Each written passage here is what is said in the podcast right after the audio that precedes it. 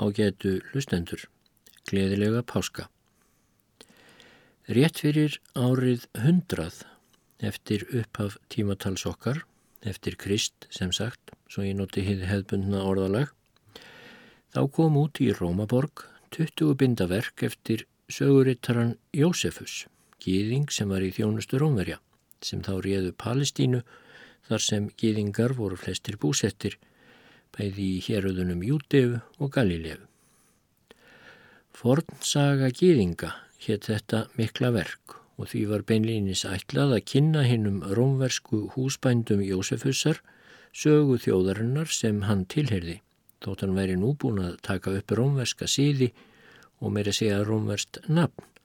Hann kallaði sig Jósefus Flavius eftir keisarættinni sem þá reyði ríkjum í Rómaríki.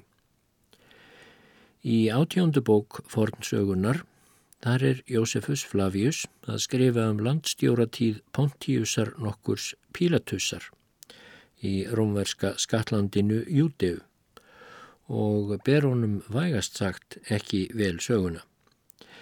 En í þriðja kabla þessarar átjóndu bókar, þriðja paragrafi, þar dúkar upp ný persóna sem reyndar hefur sorglega skamma viðtvöl í bók Jósefusar en mörgum þykir þetta paragraf samt það allra merkilegasta í samanlögðu verki hans.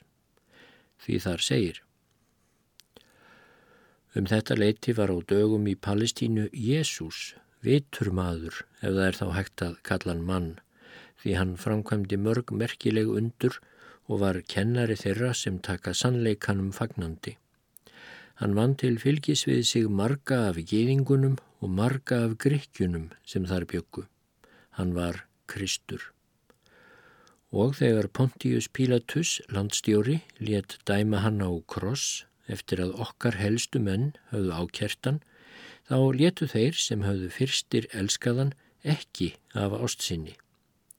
Hann byrtist þeim á þriðja degi endur vakinn til lífsins, en það höfðu spámen Guðs sagt fyrir um svo og um þúsund aðra undursamlega hluti sem hann vann. Og flokkur hinn að kristnu, sem svo er kallaður eftir honum, sá flokkur er ekki horfin enn í dag.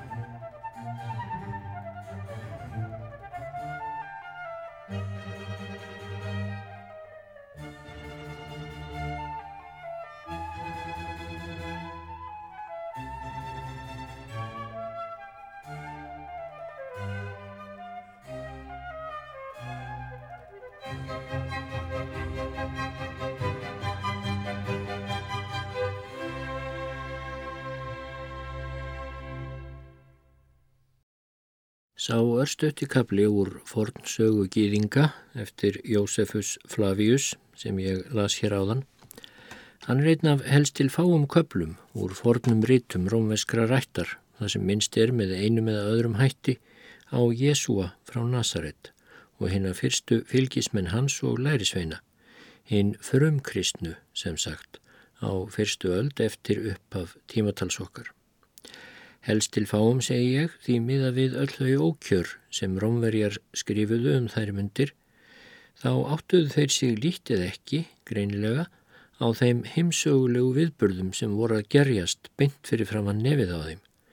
Því þar voru að myndast ný trúarbröð af rót Jésúa frá Nazaret og áttu eftir að breyðast út um alltaf Rómaveldi, verða opinber trúarbröð þar 300 árum setna og móta alla veraldarsöguna á fleiri máta heldur en hér verður greint frá í stöttu máli. En rómverskir samtíma höfundar hinn að frumkristnu tóku sem sagt ekki mikið eftir þessu. Og þeimun mikilsverðari eru þeir fáu staðir í rómverskum bókum þar sem Jésúa og læri sveinar hans koma eitthvað við sögu. Þeir staðir eru eða ætti að minnstakosti að vera sönnum þess að minnstakosti að Jésúa frá Nazaret var vissulega til, lifaði, starfaði, kendi, pretikaði og var lífláttinn eins og sagði í heimildum bæði munlegum og skriflegum hinna frum kristnu sjálfra. Jésúa var sem sagt ekki tómur tilbúningur þeirra eins og fjendur kristindómsins hafa sömur reynd að telja sér og öðrum trúum gegnum tíðina. Nú er það svo að sá kapli úr fornsögu gýðinga eftir Jósefus Flavius sem ég las á þann, merking hans er ekki einhlít. Eftir að fræðimenn lærðu að horfa gaggrínum augum og alls konar heimildir sínar, líka um trúarleg efni, en það var þróun sem hófst fyrir kannski 200 árum og hefur haldið áfram síðan. Eftir að þeir fóru sem satt að horfa á heimildirnar gaggrínum augum þá leistum ekki allskostar á þetta þriðja paragraf, þriðja kabla átjándu bókar Jósefussar eða vittnisspurð Flavíusar eins og þessi stuttikabli hafi þá lengi verið kallaður eftir hinnu rómverska nafni Sagnarittarans. Því menn spurðu sem svo Hvernig má það vera að Jósefus Flavius, gýðingur upphaflega og síðan diggur þjóðn Rómar, skrifi allt í einu fyrirvara löst í sögubók sína af gýðingum að einhver Jésúa hafi verið Kristur, þar að segja hinn smurði, konungsefni sem sagt, og að hann hafi framkvæmt mörg dásamleg undur og reysið upp frá dauðum á þriðja degi eftir að romverskur landstjóri hafi látið líflátan. Það voru vægast sagt litlar líkur á því að Jósefus Flavius hefði trúað neinu af þessu. Svo akkur ég hefði hann þá átt að stinga því svo gaggrínis löst inn í frásögn sína og svo valla orðum meir um þennan Jésúa og alls ekki um hinn miklu undur sem hann á þó að hafa gert. Nei, fræðimenn komist að lokum flestir að þeirri niðurstöðu að þessi vittnisspurður Flaviusar væri ekki komin frá Flaviusi sjálfum. Ekkert frum eintak er til af hennu mikla verki hans um geðingasögu, heldur eru aðeins til afritt sem skrifuð voru löngu eftir hans dag og öll unnin undir handarjæðri Kristina Munga, kannski nunna, en klustur kristindómsins voru jú helstu lærdomsettur miðaldáður en háskólar komið til sögunar. Og það hefði ekki þurft að koma mikið á óvart þóttu Mungi sem settur var til þess starfa af ábóta sínum að skrifa upp nýtt eintak af fornsögu geðinga eftir Jósefus að honum hafi þótt nokkuð tómlegt í bókinni ef þar var hvergi minnst á sjálfan frelsaran og endurlausnara mannkinsins, ekki einu sinni á þeim stað í bókinni það sem var verið að segja frá kvalara hans og böðli Pílatussi landstjóra. Því sannfærðust gaggrínir fræðimenn brátt um að þetta paragraf með vittnisspurði Flavíusar væri tilbúningur og viðbót Kristins afreitara eflaust munks og ekki væri hægt að nota það sem nokkur skonar sannun eða heimild um holdlega tilvist Jésúa frá Nazaret á jörðinni og hvað þá hann hefði verið pindur, krossfestur, dáin og grafin á dögum Pontiusar Pilatusar. Og svo var paragrafinu góða kastað á ruslahaugu fræðana í óeiginlegri merkingu vitaskuld. Þegar menn fóru svo að hugsa málið betur þá varð niðurstaðan eiginlega svo eins og til dæmis hinn stórmerki ungverski fræði maður Gesa Vermes helt fram í sínum bókum um hinn sögulega Jésu og bakgrunn hans í fornum gýðingdómi. Niðurstaða Vermes og fleiri var svo að vissulega bæri vittnisspörður Flavíusar í núverandi formi öll merki þess að vera skrifaður af sandtrúuðum kristnum manni einhver tíma allöngu eftir að Jósefus Flavius sjálfur lauk við bók sína. En eins vegar sé full ástæði til að ætla að einmitt á þessum staði átjóndu bók fortsögunar, þriðja kabla, hafi verið paragraf þar sem minnst var á Jésúa frá Nazaret og einhver íllendi sem sprottið hafi af tilvist hans og aftöku á dögum Pílatussar. Jósefus Flavius hafi áraðanlega ekki skrifað setninguna hann var Kristur, nýja heldur að hann hafi reysið upp frá dauðum eða spámenn Guðs hafi sagt fyrir um hingað komu hans, En Jésúa gæti samt sem áður vel hafa verið nefndur í þessu paragrafi og afrittarinn bara aukið við tekstan og gert hann hátíðlegri og upplásnari. Enda sjálfur fullvisum að Jésúa hafi verið hinn smurði Kristur. Það hafa sprottuð mikil fræði um þá spurningu hvernig þetta þriðja paragraf kunni að hafa litið út frá hendi Jósefusar sjálfs en um það verður valla sagt svo óvikendi sé. Ekki nema frum handritað fornsögu gýðinga finnist einhver staðar sem verður því miður að tælja stólíklegt. En allt jænt hafa þeir sem áhyggjur hafa því hvort tilvera Jésúa frá Nazaret kunna vera tilbúningur, þeir geta allt jænt huggað sig við þessa nýju afstöðu fræðimanna sem líka er algengus nú og dögum sínist mér að Jósefus hafi líklega minnst á Jésúa frá Nazaret á þessum stað Það væri ekkit ólíklegt því hann talar jú um Jóhannes skýrara um sama leiti og í ímislegt fleira kunnulegt. Og raunar er minnst á Jésúa frá Nazaret á öðrum stað í forðsögu Jósefusar. Það er í 20. og síðasta bindinu þar sem Jósefus er að fjalla um aðdraganda uppreysnar gýringa gegn Rómverjum en svo uppreysn braust út árið 60 og 6 eða 35 árum eða svo eftir að Jésúa var krossfestur. Í kringum árið 60 var frum Kristinn söpnuður í Jérúsalem sem því miður er ekki nóg mikið vitað um en hann laut greinilega leið sögn og stjórn Jakobs sem var bróðir Jésúa frá Nazaret. Þegar tókstreita skapaðist í hennum kristna frum söpnuði um það hvort fólk skildi innbytta sér að trúbóði innan samfélagsgýðinga eða leita út fyrir það og afla nýra lærisveina meðal útlendinga, ekki síst í hinnum grískættaða eða hellenska menningarheimi Östurrómveska ríkisins. Þá var söpnuðurinn í Jérúsalem undir fórustu Jakobs Jésu bróður í fararbrotti þeirra sem töldu að kristindómurinn ætti umfram allt að vera nýr sproti geðingdóms. En það er endar önnur saga. Það sem ég vildi sagt hafa er að í 20. bindi fornsögu Jósefussar þar segir á einum stað frá því að eitt sinn þegar helstu ráðamenn Rómar í Júteu voru ímist fallnir frá eða á ferðalagi, þetta var árið 62, þá notaði aðstiprestur gýðinga í Jérúsalem tækifærið til að klekja á trúarlegum fjendum sínum. Þessi aðstiprestur hétt Ananus ben Ananus og í fornsögunni segir Ananus sapnaði nú saman ráði dómara og let leiða fyrir dómarana Jakob, bróður Jésúa þess sem kallaður var Kristur og nokkra fleiri og þegar Ananus hafði látið ákærað á alla fyrir lögbrott þá let hann gríta þá til bana. Þessi setning er með allt öðrum blæ en vittnisspurður Flaviusar í átjóndabindinu þar sem fullirt er að Jésúa hafi verið hinn smurði Kristur, en hér segir bara að hann hafi verið kallaður Kristur. En það hafa fáir fræðimenn í raun efast um að þessi orð í 20. bindi Jósefussar séu raunverulega komin frá honum. Og árið 62 hafi Jakob því verið grítur til bana eh, fyrir, því það likur millir línana, fyrir að aðhyllast kenningar Jésúa bróður síns.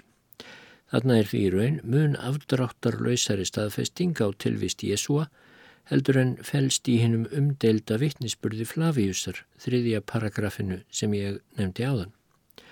En því miður geta þessi orði í fornsögu geðinga eftir Jósefus þó ekki talist meira en nákvæmlega það, staðfestinga á tilvist Jésúa, já en heldur ekki mikið meir en það.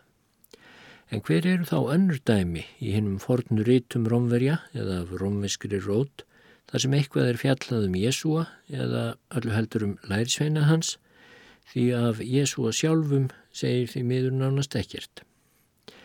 Ég ætla nú að líta á nokkra staði úr sagnaritum og öðrum skrifum rómverja en framanaf snúast þeir staði reyndar meirum geðinga en kristnamenn en það gerðu rómverjar framanaf fyrstu öld tímatals okkar harla lítinn greinarmunn á þessu tvennu, geðingum og kristnum. Sagnarittarinn Svetonius gaf kringum árið 120 út bók um fyrstu keisarana í Rómaveldi frá og með Júliussi César þótt hann teljist raunir ekki að verið keisari svona formlega séð. En hér og hvar í reytum Svetóniusar er minnst á aðlega gýðinga en þar má líka finna kristna menn ef vel er leitað, fylgismenn Jésúa. Í frásögn Svetóniusar af útför Césars þar byrtast gýðingar í fyrsta sinn í þeirri bók, löngu fyrir Krist spörðu eða upp af tímatalsokkar.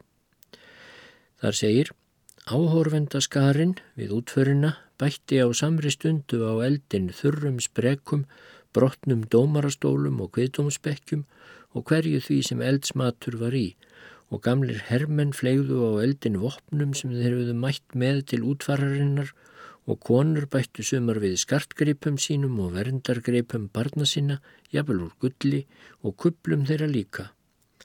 Þegar mest gekk á í harmagráttnum kveinuðu hópar útlendinga líka hver á sinni tungu og bar þar mest á gýðingum en þeim hafði Sésar verið hliðhollur síðan í umsátrinu í Aleksandríu þegar þeir veittu honum lið. Svo mættu gýðingar í hópum á Rómartorg til að sirkja Sésar nokkur næstu kvöldin. Í frásögnum Ágústus Kesara þar reynir minnst á gýðinga og þar kemur glögt fram að síðir gýðinga voru alþektir í Rómaborg og þóttu enkenleir. Svetonius er á einum stað í frásögn sinni að segja frá síðum Ágústusar í daglegu lífi, þar á meðal mataræði hans og vittnar þá meðal annars í enga bref Ágústusar sem Svetonius hafði undir höndum þegar hann skrifaði þessa bók sína um fyrstu keisarana og Í brefinu segir Ég nartaði í brauð og döðlur í vagninum og þegar ég var á heimleið af Rómartorki í burðarvagninum fekk ég mér brauðbytta og nokkrar þéttholda fíkjur. Í öðru brefi sem Ágústus skrifaði til kjörsónar síns sem síðar tók við á honum þar segir Tíberíus minn, ekki einu sinni gýðingar á sabbatstegi sínum eru jafn passasamir við að fasta eins og ég hef verið í dag Það var komið fram á kvöld og ég komin í baðhúsið þegar ég fekk mér loksins tvo bröðbytta áður en ég fór í nutt. Það er ljóst af frásögn Svetóníusar bæði hér og víðar að sabbatstagurinn, hinn sjöundi kvildardagur vikunar sem hveðið ráum í sjálfum bóðorðum geðinga, þessi sabbatstagur hefur þótt bísna merkilegur og skrítinn. Einu sinni áður en hann varð keisari þá dvaldi Tíberíus um tíma á grísku eiginni Rótos og sótti þar fyrirlestra hjá spekingum og lærdomsmönnum. Og Svetoníus skrifar um þetta. Málfræðingurinn Diogenes helt venjulega fyrirlestra sína á Rótos á hverjum sabbatstegi eins og gýðingar nefna vikulegan frítagsinn og Diogenes vildi ekki taka á móti Tíberíusi þegar hann kom til fundar við hann á einhverjum öðrum degi heldur sendi spekingurinn bara bóð til Tíberíusar með óbreyttum þræli og sagði hann að koma aftur á sjöunda degi. En setna þegar Tíberíus var orðin keisari kom Díogenes til Rómar að vottunum verðingu sína en þegar hann barða dýrum keisarans þá let Tíberíus duga að hefna sín með því að segja honum að koma aftur á sjöunda ári. Tíberius var svo keisari árið 14 eftir upphaf tímatalsokkar og hann var eins og allir vita keisari og hæstráðandi í Róm og þar með í héröðunum Júdeu og Galileu og í Jérúsalem á þeim árum þegar Jésúa frá Nazaret fórum og pretikaði.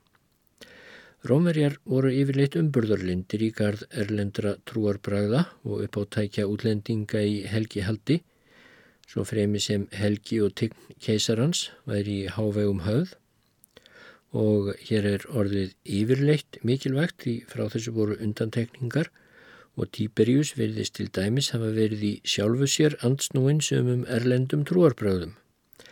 Svetoníus segir frá því að Tíberíus hafi í byrjun keisaratíðar sinnar þótt mildur og við sín stjórnandi en bætti svo við en smátt og smátt mingaði umburðarlindi Tíberíusar og harka hans jógst.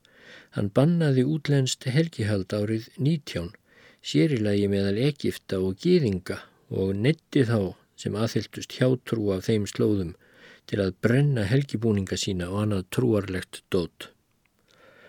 Gýðingar sem voru á hermennsku aldri voru sendir til Skattlanda þar sem loftslag var þeim óheilnemt og þóttir ættu í orði kveðinu að gegna herþjónustu þá vonaðist keisarinn til að þeir mistu hilsuna eða hreinlega gispuðu gólunni úr sjúkdómum. Öðrum af sömu rót og trú gerði hann útlæga úr Rómaborg og hótaði þeim þrælkun til æfi loka ef þeir hlýtt ekki. Hann rak stjörnuspekinga einnig burt úr borginni en gaf þeim upp sakir sem báðu um miskun og lofuðu að leggja af klæki sína. Og verður að geta þess að ekkert hafði áður komið fram, gorki í bókum Svetoníusar nýja annara, um að gýðingar hafi gert neitt sérstakt á hlut Tíberíusar, svo alvarlegt að það geti skýrt af hverju hann vildi fyrir koma hermönnum af gýðingættum með því að senda þá til óheilnæmra og óhollra svæða eða af hverju hann lagði þá að jöfnu við stjörnusbygginga. En næstur keisar á eftir Tíberíusi var Kalikúla hinn vitskerti en hann endist ekki nema fjögur ár, þá var hann dreppin. En Klátíus Frendans tók við og ríkti í tæp 14 ár, frá árinu 41 til 54. Svetoníus setur í bóksinni á heilmikla upptalningu á því sem Klátíus fjagst við á stjórnartíð sinni og þá dúkar allt í einu, formála löst, upp þessi setning hér. Hvaða gýðinga varðaði þá voru þeir sífelt til vandræða og þessi kristur þeirra ítti enn frekar undir það og Klátíus let því vísa þeim frá Róm. Hvað á nú þetta þýða? Svetoníus skýrir það ekki nánar því er nú verru miður. En við verðum að hafa í huga að þetta skrifaði Svetoníus um það byrj 70 árum eftir stjórnartíð Klátíusar. En ef þetta er rétt, að kristnir menn hafi verið til einhvers konar vandræða í Rómaborg í stjórnartíð Klátíusar, svo það hafi þurft að reka þá úr borginni, þá sínir það allavega hver fljótt kristindómurinn hefur breyðist út eftir krossfestingu Jésúa sjálfs Því um þetta leiti voru í hæstalegi 15 ár frá því Jésúa var lífláttinn. Og á ekki lengri tíma hefur einhvers konar trú á hann því verið komin frá Palestínu og til sjálfrar Rómaborgar og um leið orðin svo aðgreinanleg frá venjulegum gýðingdómi að aðtikli hefur vakið. En árið 54 þá tekur nýr keisari við í Róm, hinn kornungi Neró. Neró er nánast holdgerfingur hins vitfyrta valdamanns og eftir áratug á valdastóli og alls konar skjelvingar og voðaverk, hann let drepa mömmu sína, hvað þá annað, þá dró enn til tífinda. Svetoníu segir að Neró hafi verið orðin óanæður með hver ljótar gamlu byggingarnar í Róm væru og hver þraung og andstíkileg hinn krókóttu stræti og því let hann kveikja í borginni. Það var í júli árið 64 og hann fór ekkert í felur með það, skrifar Svetoníus. Meira segja nokkrir fyrir um konsúlar þorðu samt ekkert að amast við útsendurum hans þar sem þeir þeittust um alla borginu með logandi kindla og tjöru og kvektu víða í. Í sex daga og sjö nættur geisaði eldurinn um alla borg en fólk leitaði hælis í minnismerkjum og hofum og grafísum. Auk fjölda íbúðarblokka sem efna lítið fólk bjó í brunnu mörg hús fyrirverandi forkólfa borgarinnar allt frá því á líðveldistímanum og þar föðraði upp margur minjagrippur um góðan sigur rómar. Neró horfi á þetta allt saman og var núr turni mekenasar og til þess að fagna fegurð eldslogana eins og hann orðaða þá söngan allan hinn mikla bálk um endalóg trójuborgar sem hann hafði sjálfur samið. Hann var íklættur sviðsbúningi sínum og leka á sítar sem var fítni gerð af hennu einfalda hljóðfæri Lýru. Eftir þennan óurlega bruna sem lagði í rúst mörg hverfi borgarinnar gretti keisarinn svo á öllu saman, ekki aðeins með því að hann fekk færi á að endurbyggja stóran hluta borgarinnar eftir sínu höfði, heldur bannaðan eigandum að koma nálagt rústum húsa sinna því hann saðist myndu sjá um að flytja lík hinn að dánu og allt brak, burt og keppis en rukkaði svo erlega fyrir leifi til endurbygginga og öllu því fjö stakk Neró í eigin vasa og hýrti ekkert um þótt margir færi á hausin og mörgum hérðum bletti þegar kostnaðurinn við íburðarmiklar endurbyggingar og hallir Nerós varðu ljós. En þegar reyði almennings yfir brunanum og viðbröðum eða viðbráðarleysi Nerós var orðin of mikil, þá áttaði keisarinn sig á því að hann varð að finna sökudólka til að kenna um allt saman og þá skrifar Svetoníus. Hinnum kristnu var refsað mjög harðlega en það var hópur sem aðhyldist nýja og engar skadlega hjátrú. Sumir heldur því fram að hinn kristnu bæru ábyrð á eldinu mikla en aðrir töldu að Nero notaði hópin sem sektarlamp og að hann sjálfur ætti alla sök á eldinum. Og nú er best að vitna til sagnarittarans Takitusar sem var virtastur allra rómverskra sagnarittara kringum árið hundrað en Takitus skrifaði um eftirkost brunans í annálum sínum sem hann er talin hafa ritað um árið 115 þar að segja hálfri öld eftir að eldhafið fór hamförum um borgina. Takitus skrifar til að bæla niður þann almanna róm að hann hefði látið kveikja í borginni kom Nero því til vegar að öðrum var kentum og lagði hörðustur efsingar á þá menn sem hafður var á viðbjóður sækir glæpa þeirra. Þeir voru kunnir yfir leitt undir nafninu kristnir. Þeir voru kallaðir eftir kristi nokkrum sem líflátin var sem glæpamaður á dögum Tíberíusar af landstjóranum Pontiusi Pílatusi. Þessi skadvæna hjátrú sem bælt var niður um stund braust aftur fram og drefðist á ekki einungis yfir Júteu þar sem ófagnuður þessi spratt upp heldur barst hún til Rómaborgar sem allt spilt og auðvirðilegt streymir að lokum til og finnur þar hæli og uppörfun hjá.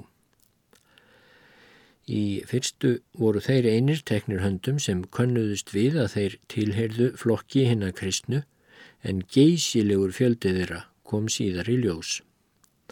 Voru þeir allir dæmdir til dauða, ekki svo mjög vegna glæpsins af að brenna borgina, heldur sækir óvináttu sinnar við mannkynið. Aftökum þeirra kristnu var svo háttað að þeir eruðu fyrir háði og fyrirlitningu. Sumir voru huldir skinnum villidýra og ripnir sundur af hundum. Sumir voru krossfestir.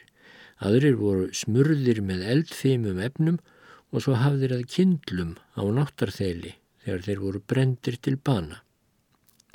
Neró létt nota garda sína sem leiksvið við þetta tækifæri og hann helt líka ringleika skemmtanir. Stóð hann stundum í þrönginni sem áhorfandi, búin sem vagnstjóri, stundum ókann vagni sjálfur. Svo fór að lokum að fólk fór að kenna í brjósti um þessa menn, hinn að kristnu, þó að þeir væru reglulegir glæpamenn og verðskulduðu vissulega ofinbera refsingu, af því þeim var eitt ekki vegna velfarnaðar almennings heldur fyrst og fremst til að svala grimd eins manns. Nú segir ekki af kristnum mönnum í rómveskum rítum um skeið. En uh, þegar Domitianus var orðin keisari á síðasta áratug fyrstu aldar, þá dúkuðu kristnir menn aftur upp að minnstakosti í frásögn Svetoníusar. Svetoníus skrifar Títus, bróðir Domitíanusar og keisari undan honum, hafði lagt á gýðinga skatt upp á tvær grískar drökmur á ári fyrir að fá að yfka trú sína og Domitíanus gekk sjálfur mjög hart eftir þessum skatti eftir að hann var orðin keisari. Hann var innheimtur af hörku, bæði hjá þeim sem voru ekki skráðir gýðingar en yfkuðu þó trú þeirra og líka hjá þeim gýðingum sem þrættu fyrir að vera af gýðingættum til að sleppa við skattin. Þar var líklega helst átt við hinn vaksandi söpnuð kristinumanna sem yfirvöldi þá daga ruggluðu yðurlega saman við geðinga. Ég mann sjálfur, skrifar Svetoníus, eftir því að hafa verið viðstattur þegar rúmlega nýræður Karl var yfirherður um þetta frammi fyrir ennbættismanni og miklum mannfjölda og þurfti að girða niður um sig frammi fyrir öllum til að sína hvort hann væri umskorinn geðingur eða ekki og loks lið Domitianus taka af lífi Flavius Clemens sem var ekki bara konsul með honum heldur líka ná frændi hans. Afi Klemens var bróðir Vespasianusar og Klemens var reyndar kvæntur dóttur dóttur Vespasianusar í ofanálag. Þegar keisarin let nú taka Klemens af lífi þá síndi það að engum var óhætt við hyrðina því Klemens var frægur letingi og yðjuleysingi og fráleitt að ímynda sér að hann gæti verið viðriðin samsæri gegn Domitianusi eins og hann var þó vist grunaður um en ein heimild er endar til sem hermir að ástæðu þess að Klemens var lífiláttinn hafi verið guðleysi. Hann hafi verið grunaður um að hafa gengið í söpn gýðinga eða jafnvel hennar kristnu en allt er það í rauninni á huldu. En þá er að lokum komið að einni merkustu heimildinni sem til er um kristindóminn en hana er að finna í brefi sem lögmaðurinn, rittöfundurinn og stjórnmálamadurinn Plinius Yngri skrifaði.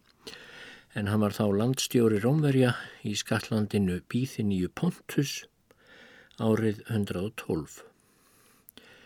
Bíþiníja og Pontus voru hlutar Littlu Asju sem við kvöldum nú Tyrkland. Eins og við vitum af brefum Páls postula þá breyttist kristindómurinn mjög út þar fyrstu áratugina og þegar þarna var komið sögu voru víða í Littlu Asju og á Greiklandi rótgrónir kristnir söpnuðir sem sumir hafðu verið við líði í 70 ár eða jafnvel rúmlega það. Kristnir menn voru sjaldan með mikinn uppsteitt en þeir neituðu þó nær æfinlega að votta keisaranum þá guðlegu virðingu sem orðin var hluti af rómversku samfélagi og rómverskri þegnskildu. Því voru þeir einlegt í andstöðu við yfirvöldin, þótt ekki bæri alltaf mikið á. Og þegar Plinius kom í Skatland sitt, þá rak hann sig fljótlega á að honum var ætlað að draga kristna menn, sem hann virðist hafa vitað fremur lítið um áður en þangað austur kom, Honum var ætlað að draga þá fyrir dóm og ég vel lífláta þá ef þeir neituðu að bölva Kristi eins og Plinius kemst að orði. Brefið það þarna skrifaði Plinius yngri vini sínum en það var ekki minni maður en Trajanus keisari sem þá hafi verið við æðstu völd í Róm í tæp 15 ár. Trajanus var spánveri, hann þótti mikill skörungur og á heldina séð litið frekar mildur stjórnandi. Þótt mildur rómarkeisari sé einlega mótsögn í sjálfu sér. Trajanus held til dæmis mikla skilmingaleika sem stóðu í þrjá mánuði og þar drápu 11.000 gladiatorar hver annan og spurningin hvar mildi keisaran spyrtist þá. En mildur var Trajanus samt á sinn hátt. Og það kemur til dæmis fram í því að Plinius, vinnur hans og skjólstæðingur treystir sér til að skrifa honum og spyrja hreinskilnislega hvort hann eigi virkilega að láta drepa þá sem aðhyllast hennan kristindóm. Eins og Plinius taldi greinilega að lög hvæðu áum en hann verðist ekki hafa talið þá kristnu mjög hættulega og erfitt að sjá hvaða glæpi þeir höfðu framið sem verðskulduðu dauðadóm. Brefið hljóðar svo. Það er venja mín herra að snúa mér til þín í hvert sinn sem ég er í Eva. Hver getur betur leiðbeint mér, þá er mér finnst ég vera í vafa um eitthvað, eða upplýst mig, þá er ég er óráðinum hvað gera skal. Ég hef aldrei fyrir tekið þátt í rannsóknum um kristna menn. Þess vegna veit ég ekki heldur hvað vant er að refsa fyrir eða láta rannsaka og eigi heldur hver langt á að fara í rannsóknum. Ég hef verið í tölverðum efa um hvort aldur hlutæðeigandi gefi ástæðu til þess að beita mismunandi aðferðum við rannsóknir og yfirheyrslur eða hvort fara eigi eins að við alla við kornunga menn sem við fullorna og um það hvort þeir sem yðrast eigi að fá fyrirgefningu eða hvort sá sem einu sinni hefur verið kristinn eigi ekki að njóta þess að hann hefur fallið frá þeirri trú.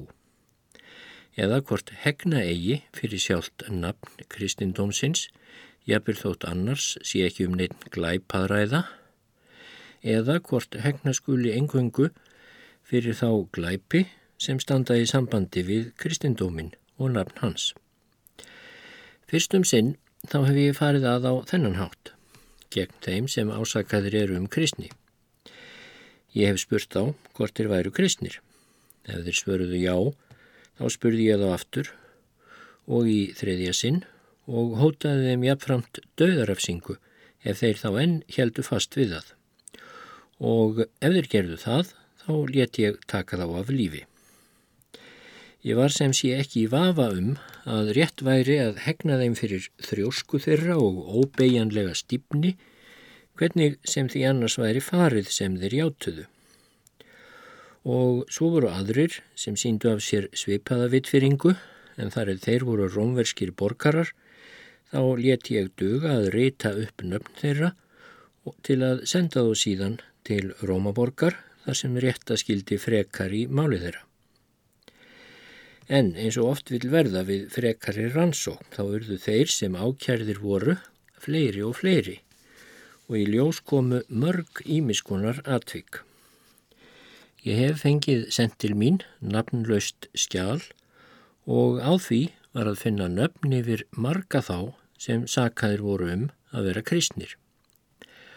En þeir sem neituðu að þeir væru eða hefðu verið kristnir og ákölluðu hinn að fornu guði með þeim formála sem ég hafði fyrir þeim og fornuðu reykjelsi og víni frammi fyrir mynd þinni sem ég hafði látið setja inn í þeim tilgangi á samt goðamyndunum og þeir sem ennfremur formæltu Kristi. En til þess segja menn að sannkristnir menn láti aldrei neyða sig, alla þessa menn áleit ég rétt að láta lausa. Aðrir sem voru nefndir af uppljóstrurum sagðu að þeir væru kristnir en neituði síðar Þeir sögðu þá gætnan að þeir hefður endar verið að en væru hættir því nokkrir fyrir þremur árum, nokkrir fyrir enþá lengri tíma og einstakajafil fyrir 20 árum. Allir þessir menn heiðruðu líka mynd þína, herra minn, og myndir guðana og formæltu Kristi.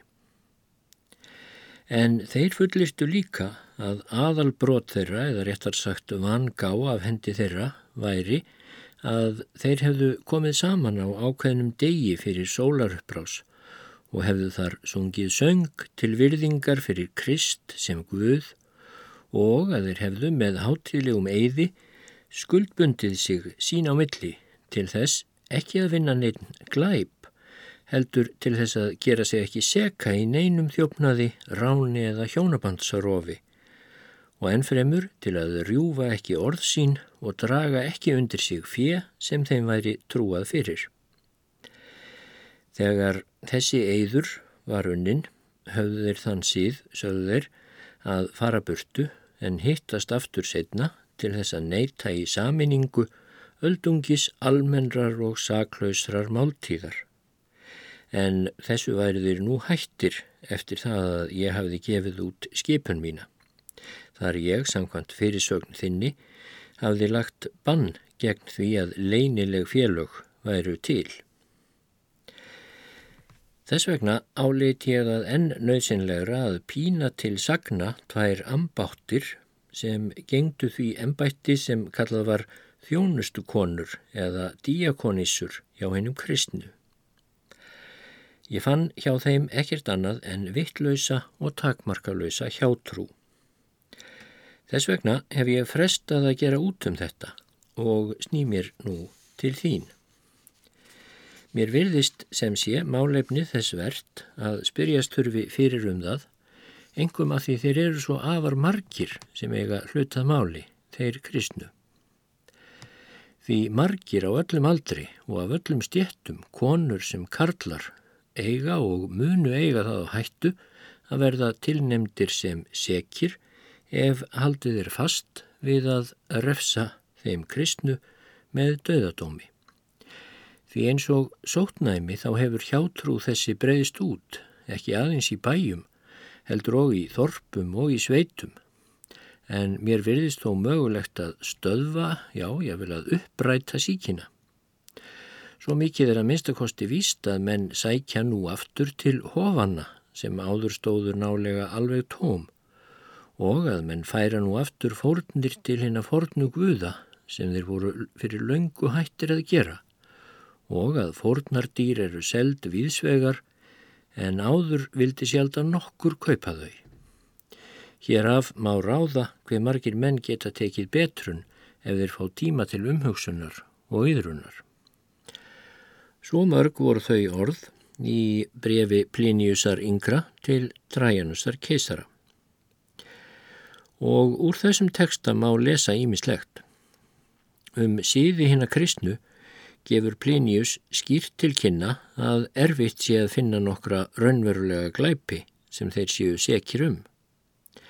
Setna meir, allöngu setna, þegar ofsóknir gegn kristnumönnum hófust fyrir alvöru, þá voru kristnir menn sakaður um ímislegt. Stundum voru þeir til dæmis sakaður um mannátt, því sömur vildu skilja kvöldmáltíðar sakramenti þeirra of bókstaflega. Þannig að þeir væri í rauninni að neyta líkama Krists eða einhvers staðgengils hans og drekka blóðans. Stundum voru þeir sakaður um sifjaspell að því kristnir menn voru svo getnir á að ávarpa hver annan bróðir og sýstir. En svoliðis ásakannir virðast ekki hafa verið komnar á kreik þegar Pliniusi var upp á lagt að rannsaka kristnamenn og yfirheyra. Hann er eins og við heyrðum í mestu vandræðum hvort hann á að ákjæra þá og lífláta fyrir að vera kristnir eða heita kristnir, burt séð frá einhverjum glæpum sem þeir hafi þá unnið, eða hvort einhverjir myndir glæpir séu ástæðu þess að þeir skuli líflátnir, en hverjir eru þá þeir glæpir? Plinius finnur enga glæpi, það viður kennur hann hreinskilnislega. Hinn er kristnu hittast reglulega, halda samkomur og háttíðlegar máltíðir, Þeir heita því hver öðrum hátíðlega líka að stela korki, nýja halda framhjá og lofa að borga æfinlega skuldir sínar og hafa ekki fíja af öðrum. Einlega virðast hennir kristnu hafa verið fyrirmyndar borgarar, þannig séð. Og ekki skrítið að Plinius hafi viljað leita ráða um það hjá keisaranum sjálfum, um hvort og af hverju hann ætti þá að verað lífláta svona ljómandi fólk kannski fyrir sálmasöng til virðingar fyrir Krist sem Guð eins og Plinius kemst að orði. Eða fyrir það að konur hafi komist til allt og mikill að áhrifa. Því það er vissulega eftirtektar verðt að einu áhrifamennir í söfnuðunum sem Plinius nefnir séu konur og það meira segja ambáttir.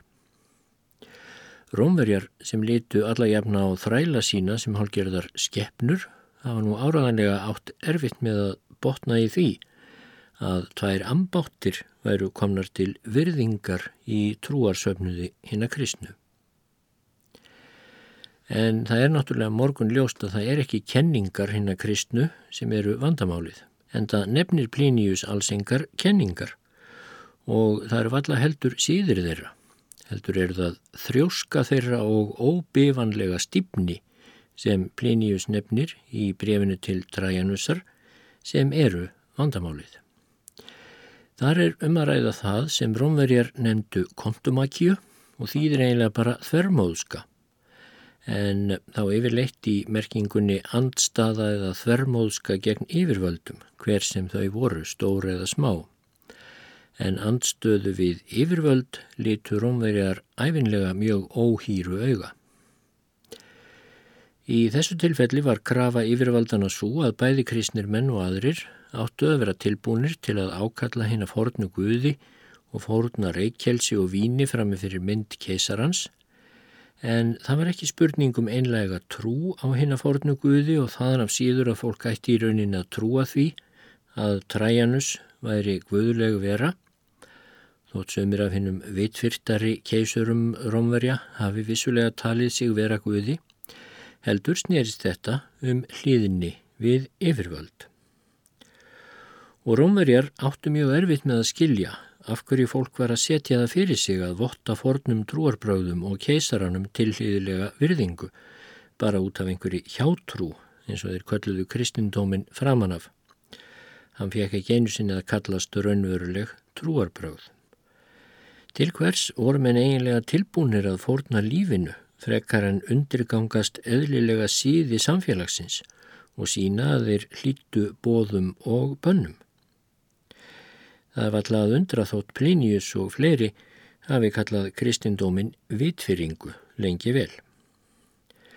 Aðtiklisvert er og að meðal þeirra leinilegu félaga sem Plinius nefnir og voru bönnuð á dögum træjanusar og löngum bæði fyrir og síðar, þá voru alls ekki allt trúarhópar.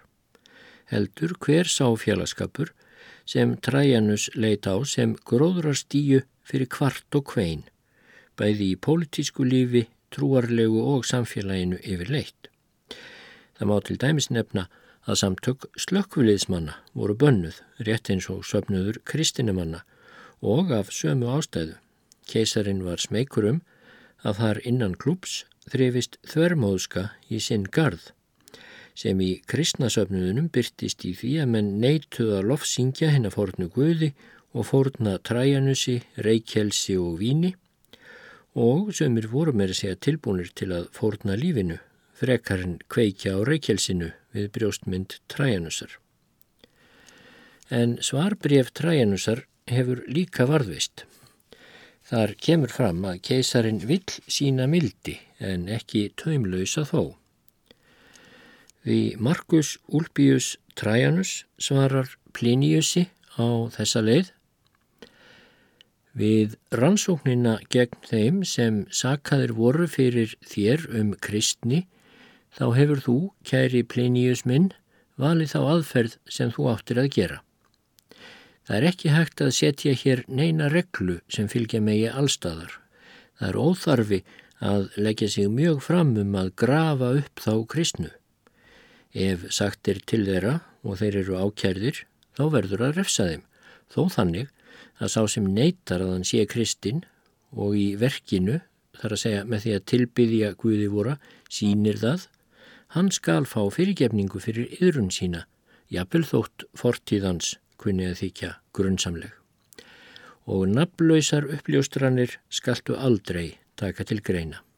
Það myndi verða ílt fordæmi til eftirbreytni og skömm fyrir vorn tíma. Og þannig fór nú það. Og þrátt fyrir fyrirspurn Pliniusar og ráðleikingar Trajanusar þá er óþarfi að taka fram að það tókst ekki að vinna buga á kristindómnum.